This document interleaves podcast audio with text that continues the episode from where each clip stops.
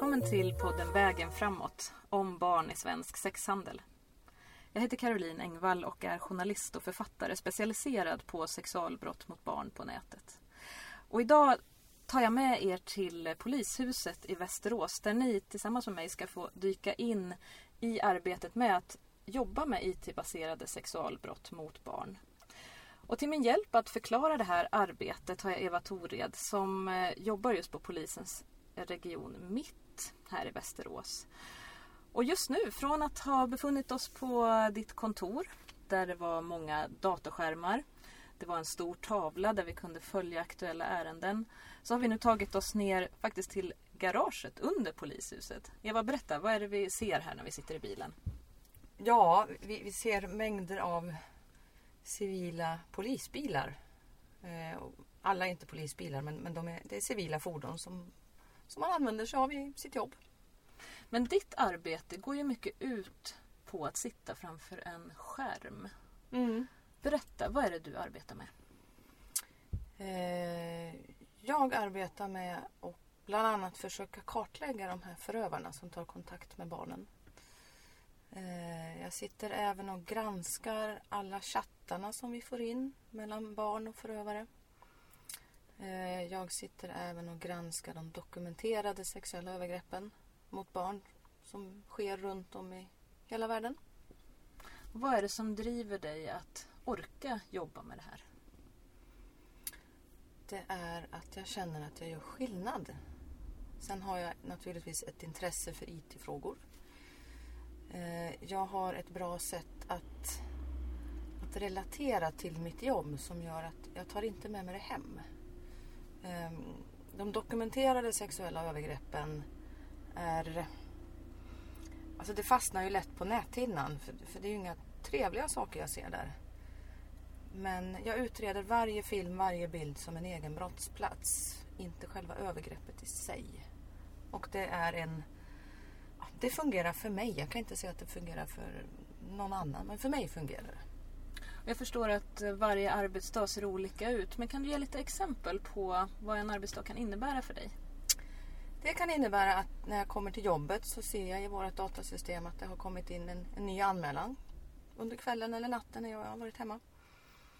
Eh, då går jag in och läser på den. Tar, om det då rör sig om en groomingärende där en förälder som har anmält eller en skolkurator eller kompis mamma eller någonting sånt så tar jag så snabbt som möjligt kontakt med en av föräldrarna till det barnet som har blivit utsatt. Förklarar vad som har hänt och håller ett kort inledande förhör. Och, ja, frågar lite om hur barnet är och vad föräldrarna känner. Och oftast blir det då ett stöttande samtal med föräldern. Um, för det blir ofta så att föräldrarna kan bli arga. Jag har ju sagt det här att de inte får göra si och så på nätet. Men, men ehm, så det, det, är mycket psykologi att försöka lugna föräldrarna. Att, att, och just att barnet har inte gjort något fel. Och, ta för guds skull inte telefonerna ifrån dem. För det blir dubbel bestraffning. De ska inte råka illa ut på nätet och sen knycker föräldrarna telefonen. Så det är mycket sådana... Och jag älskar de där samtalen. Hur reagerar barnen när de träffar dig? Eh, de flesta är ju väldigt nervösa när de kommer. Och är de under 15 så sitter vi ju på en videostudio. Eh, och många är ju då tycker det är lite skräckblandad förtjusning att komma till polisen. Och ibland blir de väldigt besvikna då när de ser på mig och att jag inte är polis. Så då får jag försöka förklara att men vi, vi har aldrig poliskläder på oss. Vi, har, vi är bara civila. För att en, en polis kan mycket, en, en, polis i uniform ska jag säga kan vara väldigt skrämmande. Så vi har helt vanliga kläder och ser ut som vilken som helst. Hur länge har du arbetat med de här frågorna? Eh, IT-brott har jag mer eller mindre arbetat med sedan jag började för 11 år sedan. Eh, de sista fem åren har jag jobbat med de dokumenterade sexuella övergreppen och sedan två och ett halvt år tillbaka har jag jobbat med även grooming-biten. Vad får du för reaktioner från omvärlden när du berättar vad du jobbar med? Usch vad otäckt. Det är absolut 100% vad alla säger. Usch vad otäckt, hur orkar du? Och vad svarar du? att jag älskar det jag gör och det är enorm tillfredsställelse och kunna få alltså, hjälpa de här barnen. Eh, sätta de här gärningspersonerna bakom lås och bom om det går. Eh, försöka få barnen att, att bli trygga igen, stö, stötta deras föräldrar att internet är inte farligt. Era barn är inte naiva. Eh, bygga upp dem igen. Fantastiskt. Jag och många med mig är otroligt tacksamma för det arbete som du och dina kollegor gör. Du hade ju också ett ärende som fick ganska mycket medial uppmärksamhet alldeles nyligen. En eh, lärare på en skola här i Västerås. Mm. Berätta lite grann om det. Ja, det var ju lite speciellt. Ehm, för det första var det inte IT-relaterat. Men det hamnade på våran grupp i alla fall av, av orsaker som jag inte kan gå in på. Ehm, men den här mannen tillverkade kläder av loombands. Små, små gummisnoddar som man egentligen sätter längst ner på tofsar eller bygger armband av. Ja. Och lät då eleverna och även andra flickor prova de här kläderna och han fotograferade dem. Så det var så. Och det var det är väldigt annorlunda case men det kan nog vara just det att, att det inte var IT-relaterat som gjorde att det kändes väldigt annorlunda och eh, barnen hade ingen vetskap om att de hade råkat ut för ett brott. Eh, nu var det inte jag personligen som satt och höll förhören med de här flickorna utan det var min kollega Camilla. Men jag satt med på varje förhör. Eh, och det var ganska jobbigt ibland att se hur de här barnen eh, förstod vad som hade hänt och nästan lite tog skulden på sig för att de hade tillåtit det här och sen råkar han illa ut. Så det var ett väldigt annorlunda ärende. Det är ju inte en helt ovanlig reaktion att eh, man som utsatt tar på sig skulden, man vill inte göra förövaren illa. Hur kan ni möta barn i det, i den här första stunden? För det första, så om man börjar med att prata med en förälder. Eh, för det är inte helt ovanligt att föräldrarna skuldbelägger barnen. Eh, så om man försöker som utredare då att föräldrarna ska känna att de kan prata med oss och att vi är ganska bra på det vi gör. Och det vi säger är ganska sannolikt att det är så här det har gått till. Så att vi får över föräldrarna på, på barnens sida. Så att de stöttar istället för att fördömer. Eh, det, det, är liksom början. Och sen ska man då göra likadant med barnet. Och inför ett barnförhör så träffar man ju alltid barnet innan man går in i själva studion. Eh, för det finns barn som kommer till oss som faktiskt inte vet varför de är där. För de är ute på nätet hela tiden och de vet inte vad som har hänt. Så det kan bli ett, ett väldigt jobbigt möte för dem när de faktiskt får reda på av mig varför de ska träffa mig och prata. Så därför brukar vi sitta en stund innan. Hur ställde sig den här läraren till det som han hade gjort? Han förnekade brott. Eh, han förnekade ju, han kan ju inte förneka att han de facto har tillverkat de här kläderna. Men att det hade en sexuell innebörd och det förnekade han. Och vad hände sen med honom? Han fick i tingsrätten så fick han tre eller fyra, jag tror han fick fyra månaders fängelse där. Eh, men det överklagades ju. Och nu gick det upp i hovrätten här i april. Och domen kom ju här för någon vecka sedan. Eh, då var det villkorlig dom och samhällstjänst istället. Så de eh, sänkte straffet. De tog bort ett sexuellt ofredande från en av flickorna. Men hon fick behålla skadeståndet. Så det var väl den förändringen hovrätten gjorde. Och det här väckte ju lite reaktioner. Att man för att han blev av med sitt arbete som lärare och så fick straffet sänkt. Vad tänker du om det? Alltså många gånger så, så brukar jag tänka så här att om, om, det blir en bra dom i tingsrätten för att tingsrätten här i, i Västmanland vi får ofta alltså, vad ska man säga domarna på, in, på våran sida. Då menar jag inte rättens ordförande utan domarna. Eh, så jag brukar vara nöjd där. Det blev en bra dom i tingsrätten. Period. Sen om den blir bättre i hovrätten, ja men det är ju tummen upp. Blir den sämre, ja men då vet jag i alla fall att tingsrätten dömde så här.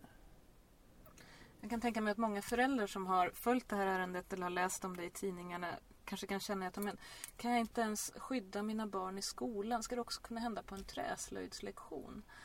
Hur tänker du om hur föräldrar kan ja, men, rusta sina barn, förebygga att det här händer?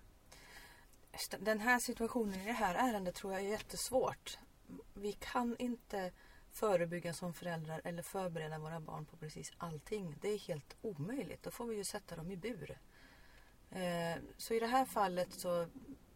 Nej men man kan ju inte säga till ett barn att om, om din lärare säger eller gör si och så i alla som liksom täcker hela spannet. Eh, det är omöjligt. Det går inte. Man kan inte skydda sina barn till 100 procent. För du har ju arbetat med det här i många år och har sett eh, förövarna eh, och deras metoder. Vad kan du säga om, om det som du ser i vad förövarna gjorde tidigare och vad de gör nu? Eh, det jag upplever att förövarna gör nu det är att de är mycket mer pang på om jag får uttrycka mig så.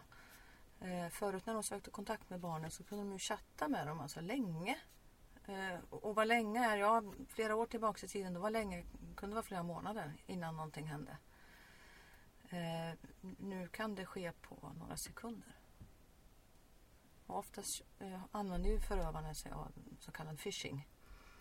Det vill säga att de går ut på en, en sajt där det finns mycket barn och så bara skickar de ut 200 meddelanden. Får de svar av två tjejer, ja men då har de ju två i alla fall.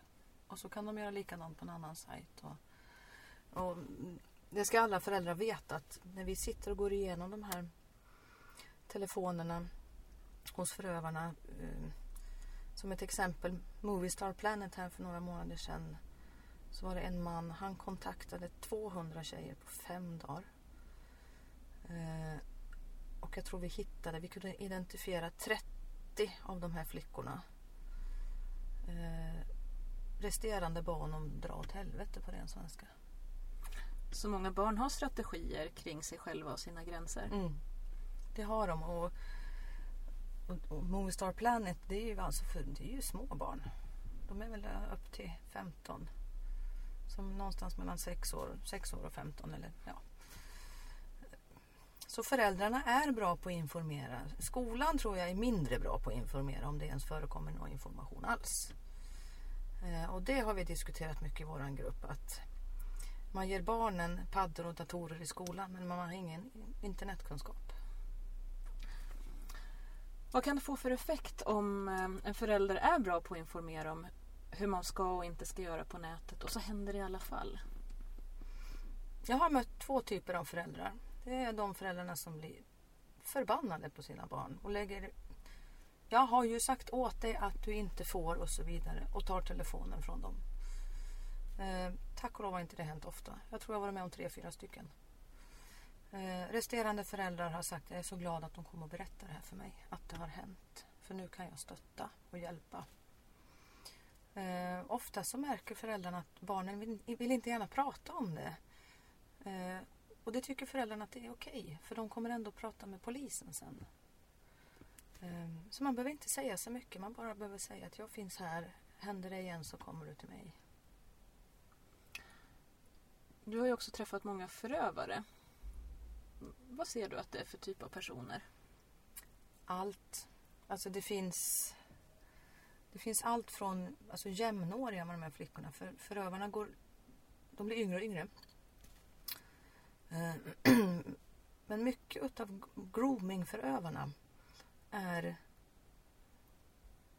de är ensamma. Eh, Man ska inte säga enstöringar men, men ofta så arbetslösa, sjukskrivna Ehm, som tillbringar sitt liv framför en dator eller en telefon. Just när det gäller grooming. Eh, det är inte så där ofta jag har träffat på att de faktiskt vill träffa flickorna även om de kanske skriver så. Eh, men de vill ju gärna visa upp sig själva. och få beröm. Sen, precis som flickorna då, men just att även de här förövarna vill få bekräftelse. Eh, precis som flickorna som blir utsatta. Så att, eh, jag har faktiskt inte träffat på någon... Ja, det finns högutbildade naturligtvis inom grooming också. Men jag har inte träffat på kanske någon som är över 50. Inte vad jag kan dra mig till minnes. Utan det håller sig nog lite yngre där i alla fall.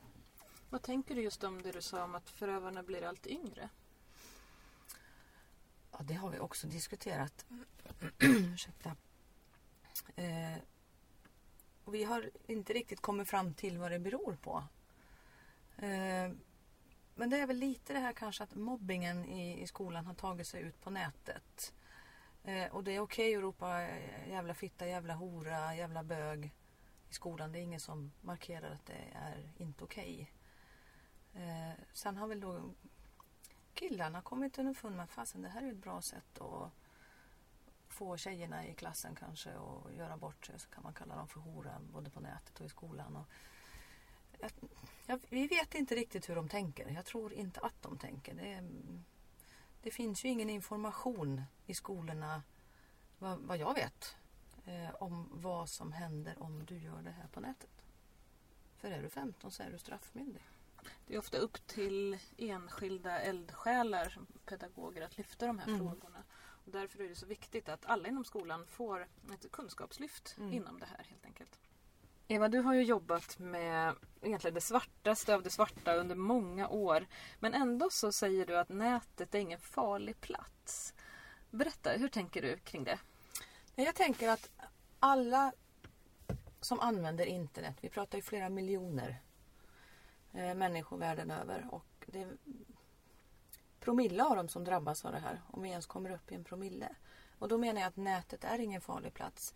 Det är ingen farlig plats att, att, att googla, det är ingen farlig plats att besöka hemsidor, det är inte farligt att besöka banken.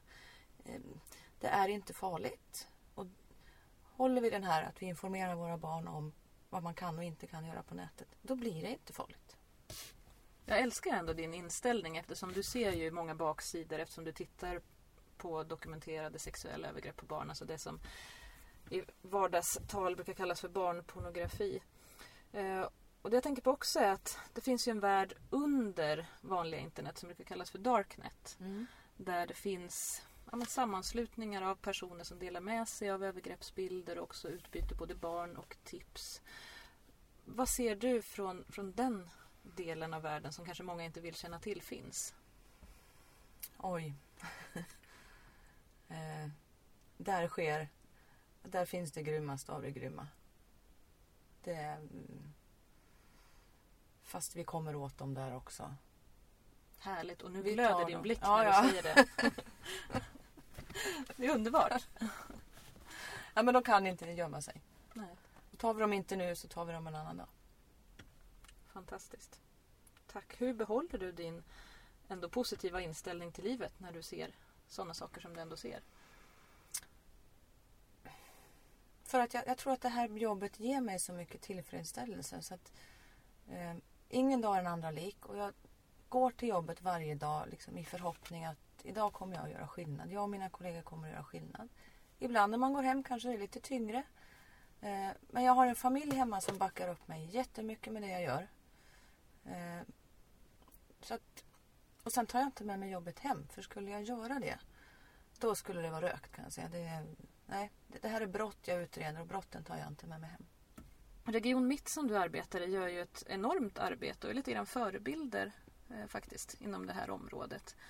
Eh, varför är det så? Hur eh, tänker ni med den här satsningen som ni gör på just IT-baserade sexualbrott mot barn? Ja, ska man gå bakåt i tiden så handlar det faktiskt om, om polisens omorganisation.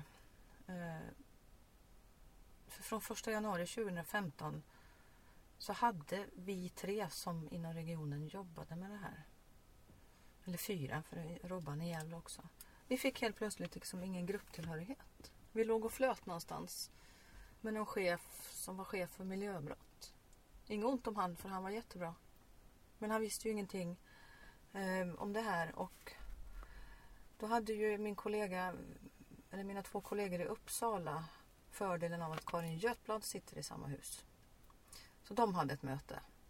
Eh, och Karin Götblad värnar alltid om att barn ska ha det så bra som möjligt. Så hon tog tag i det här. Så på den vägen är det. Så, så vi, var, vi var tre stycken i gruppen från början när den startade. Och sen rekryterades det folk och vi blev en full grupp 20, ja, september 2015. Och hur många är ni? Just nu är vi helt desarmerade så nu är vi fem igen. Men tack och lov så är det rekryterats. Vi kommer att bli 16 här i höst. Fantastiskt. Ja, det är helt underbart. Hur ser det ut i andra delar av landet? Region Öst har en liknande grupp. Eller en likadan grupp. Eh, Jag är inte riktigt säker på hur många olika yrkesgrupper i gruppen det finns. Eh, Jag vet att de inte har några IT-forensiker som är kopplade till sig. Eh, Vi Region Mitt har ju egna IT-forensiker, vi har egna barnutredare, vi har egna granskare, vi har egna internetinhämtare och alla är vi utredare dessutom. Och IT-forensiker är ju de som speglar till exempel telefoner och hämtar information Ja. från olika enheter. Vad får det för konsekvenser om man anmäler i en region som barn där det inte finns den här kompetensen som finns här? Eh, det är ju lite svårt för mig att svara på faktiskt. Hur de, men jag kan ju säga att när vi får in anmälningar eh, där vi hittar då att gärningsmännen bor i andra regioner så är det väldigt svårt att få regionerna att ta emot våra ärenden. Om det inte är Region Öst eller Region Bergslagen. Region Väst eh, är också på bättringsvägen men, men annars så det är ingen som vet hur man utreder dem. Och de vill inte. Men, men det är faktiskt så att brott som sker på, på internet ska utredas där gärningspersonen bor. Det finns det signat på faktiskt. Så det, det ska vara så. Men det är sådana protester från vissa polisområden. Och ta emot dem. Vad skulle behövas, tycker du? Det är under uppbyggnad någonting som heter RC3. Eh, Det regionala cybercrime center där de här typen av utredningar eller utredningar av de här brotten ska ingå. Eh, Men det finns fortfarande några regioner som, som stretar emot. Men i det stora hela kommer det att bli bra. Så vi kan känna lite hopp där i alla fall. Vi har fått en ny rikspolischef som jag var och jobbade på vår nationella operativa avdelning här för några veckor sedan och han dök spontant upp. Vi satt nere i en grotta och bara fokuserade på dokumenterade sexuella övergrepp. Och han kliver in där. Ehm, så han förstod nog lite vad det handlade om. Sen var jag i Göteborg för några veckor sedan och där dök han också upp och pratade. Och då satt vi och pratade just om den nya sexualbrottslagstiftningen. Eh, eh, så han vet om att det här problemet finns. Och jag tror att han kommer att se till att det blir RC3. Då håller vi verkligen tummarna för det. Om du ser eh, den här förändringen som har skett ändå under dina 11 år som du har jobbat med, med IT inom polisen. Vad skulle du säga är den största förändringen på de åren? Alltså förändringen är väl egentligen när man gick över från, från eh, datorer till smartphones. Då exploderar ju allt. Och alla apparna som kommer som svampar.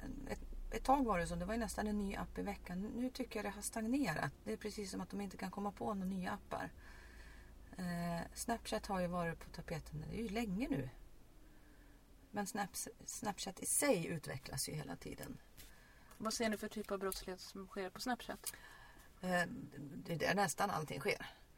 Eh, och och det är ju för att den ligger ju så att säga online hela tiden. Och ska man spara någonting på Snapchat så får ju den på andra sidan, telefon, eller andra sidan skärmen reda på att man har gjort det. Eh, Så därför är det ju få barn som vågar ta det här screenshotet för att det syns. Men då finns det ett väldigt smart sätt. Som faktiskt många föräldrar använder sig av och jag är så glad över det. Då fotograferar man. Man tar en annan kamera eller en annan mobil och så fotograferar man den här chatten. Ehm, det behöver inte vara mycket. Det behöver kanske inte vara hela chatten men någon, någonting som hjälper oss i vårt arbete. Jättebra tips. Och du befinner dig också och ser de andra plattformarna där barn finns. Som till exempel du nämner Movie Star Planet, vi har Musical.ly. Där förövarna finns på alla platser där barnen finns. Ehm, Vad har du för andra generella råd till hur föräldrar och andra vuxna kan hantera den värld som barnen befinner sig i? Ja, framförallt eh, så tycker jag att föräldrar själva ska skaffa de här apparna. Eh, Movistar Planet till exempel, det står ju, det, det måste man ju bocka i ett mm, kontrakt eller att man har läst reglerna. Eh, och där får man vara förälder. Och det är ju mest för att man faktiskt ska hålla, inte hålla koll, men veta vad barnen gör och visa intresse. Eh, de, de, bästa lärarna på de här apparna det är barnen själv. Och det finns ju inget roligare att barn vet än att lära en förälder någonting. Som barnen är duktiga på och föräldrarna inte kan. Så, så testa hemma. Eh, sen kan man vara en föräldragrupp också som, som, har Snapchat. Så att man testar Snapchat fast man gör det med andra vuxna. Eh, så att barnen inte behöver känna att det är så pinsamt för mamma är där. Och att de vuxna är öppna med att så här heter jag på Snapchat. Eh, så, att, så att barnen kan känna sig trygga över och inte vara övervakade. Sen en annan grej som jag tycker är viktigt att ta upp. Det är att vi får väldigt ofta höra barnen, men vi träffades på KIK. Man kan aldrig träffas på KIK. Man måste ha träffats någonstans innan först. För att man ska få varandras ja, användarnamn? Man kan inte göra random sökningar eller bara fischa på, på KIK utan någonstans annars. Om ingen kompis har lämnat ut Ja, så kan det vara. Jag, jag är kompis med någon som vars KIK jag lämnar ut. Absolut. Men det är väldigt sällan det är så. Och det vi pratar om nu är plattformar där också ganska små barn befinner sig. Hur kan man lägga samtalet på en bra nivå om man till exempel har en 7-8-åring, kanske till och med 6-åring som använder det här? Jag tycker man ska börja med att och säga till barnen att försök att bara ha kontakt med sådana kompisar som du känner IRL. Eh, och sen sitta tillsammans med barnen, kanske en gång i veckan och, och tillsammans gå igenom vilka kontakter de har. Det är det, de två tipsen vi brukar säga till föräldrar. Sen är det faktiskt så också att är man sju år eller åtta år så ska man inte ha mobilen i sitt sovrum när man går och lägger sig. Som förälder tycker vi att man är skyldig att titta i barnens mobiler. Vad har de i sina mobiler? Eh, för det kan vara så att barn har saker i sina mobiler fast de faktiskt inte vet om det. Och många föräldrar säger att ja, men det är som att läsa ett barns dagbok. Eh, nej, det är det inte. För dagboken som man hade förut, den var inte internationell. Så man måste tänka två olika världar där. Vi, jag hörde en bra grej eh, när jag var på en konferens i Malmö här för ett tag sedan om just IT-brott. Eh, det barnen föds med, det har de med sig hela livet. Vi är ju den här generationen som växte upp med analoga telefoner och heta linjen var det coolaste som fanns. Vi förstår inte riktigt hur det har att växa upp i den här IT-miljön. Men vi måste försöka förstå. Annars får vi inte med oss barnen. Då får vi dem emot oss istället. Och hur balanserar man på den här tunna tråden som det är mellan att ha koll på vad som finns i barnens telefoner och att kontrollera eller spionera på vad de gör? Vad är skillnaden? Jag tycker för det första inte att man varken kontrollerar eller spionerar utan man tar sitt ansvar som vuxen och som förälder. Det är absolut inga konstigheter. Är man sex år, åtta år, nio år så ska man inte ha en mobil full av hemliga saker. Och vad kan det till exempel vara? Ja men det kan ju vara just det här att de har kontakter Eh, det kan ju faktiskt vara så att barnet har sagt att ja, jag har bara 12 kontakter och det är mina 12 bästisar. Och så öppnar man upp Movistar Planet och så visar det sig att det är 50 kontakter. Och hur får man då in det här samtalet med sitt barn? Ja, det är väl upp till varje förälder att ta det ansvaret. Det kan ju inte jag sitta här och säga. För varje barn är unikt, varje förälder är unikt. Eh, man får trixa lite helt enkelt och hur är det på Movistar Planet? Har du varit gjort idag? Och så kan du inte visa och sen, ja titta vem är det där? Ja det vet jag inte, men vi ska inte ha sådana kontakter. Ta bort honom eller henne. Så man får trixa lite. Jag tror att eh, det viktigaste är att man inte övervakar. Eh, men eh, ta bort telefonen ur sovrummet. Och det viktiga också är ju att man eh, ju faktiskt måste ta de här samtalen kanske tidigare än man tror. Mm. Man kan inte spara det här till barnen är 11-12 år utan så fort barnen börjar vara mm. med andra på de här plattformarna då måste man också sätta sig ner och ta de här viktiga samtalen. Oh ja. Jag har en, en chatt från, kommer inte, faktiskt inte ihåg eh, vilken app det var. Men det här är några år sedan. Eh, det var en förövare som var 25 och chattade med en flicka som var 8. Och så skriver han till henne, kan du skicka en bh-bild? Och då skickar han tillbaka, men jag är bara åtta, jag har ju inga bröst fattar du väl. Så, och de är så medvetna idag. Eh, man brukar säga att puberteten för en flicka idag börjar runt åtta års ålder. Allting finns på nätet. Vi brukar råda när föräldrarna är ute och föreläser att de ska ta fram Google och så ska de skriva porr. Och så ska de gå in på första länken som kommer upp. Då ska de se att det är inte alls som de här porrfilmerna vi såg när vi var unga. Och vilken påverkan på både förövare och andra ser du att den här lättillgängliga porren har idag? Ser det framförallt på språket hos de yngre. Det är inga problem för, för en, en åttaåring att skriva ska vi knulla och jag vill ha den i röven och jag tänker suga dig tills du kommer. Åttaåringar. Och då är det både pojkar och flickor för ofta så, så tror att många att förövaren är en man och eh, den drabbade är en flicka. Men det är nog, jag kan säga lika mycket killar som blir drabbade för de har en tendens att inte berätta. Men det är massor av pojkar som blir drabbade. Och på tal om att inte berätta. På ditt kontor så har ni en väldigt speciell tavla som din kollega Karina har gjort. Berätta, vad står det på den här tavlan? Det står Silence make you sick. Eh, och hon gjorde den här tavlan när vi flyttade in i det rummet där, där vi sitter nu. Eh, och det är en tavla som är, den är både varm och kall. Eh, den är Alltså jag mår nästan fortfarande dåligt ibland när jag tittar på den men så finns det fläckar i den här tavlan som gör att ja, men det, hoppet finns där. Och, eh, jag hoppas att du lägger ut en bild på den. Det gör jag absolut. Och alla ni som lyssnar på den här podden och följer mig på mitt Instagramkonto Engvall Caroline kommer att kunna se den här tavlan. Och också bilder från vår eh, stund här tillsammans i den här varma bilen i polisens garage eh, under polishuset i Västerås. Eva Tored utredare på Region Mitt. Tusen tack för din stund här i podden Vägen framåt. Och tack också för det viktiga arbete som du gör för allas våra barn. Tack själv.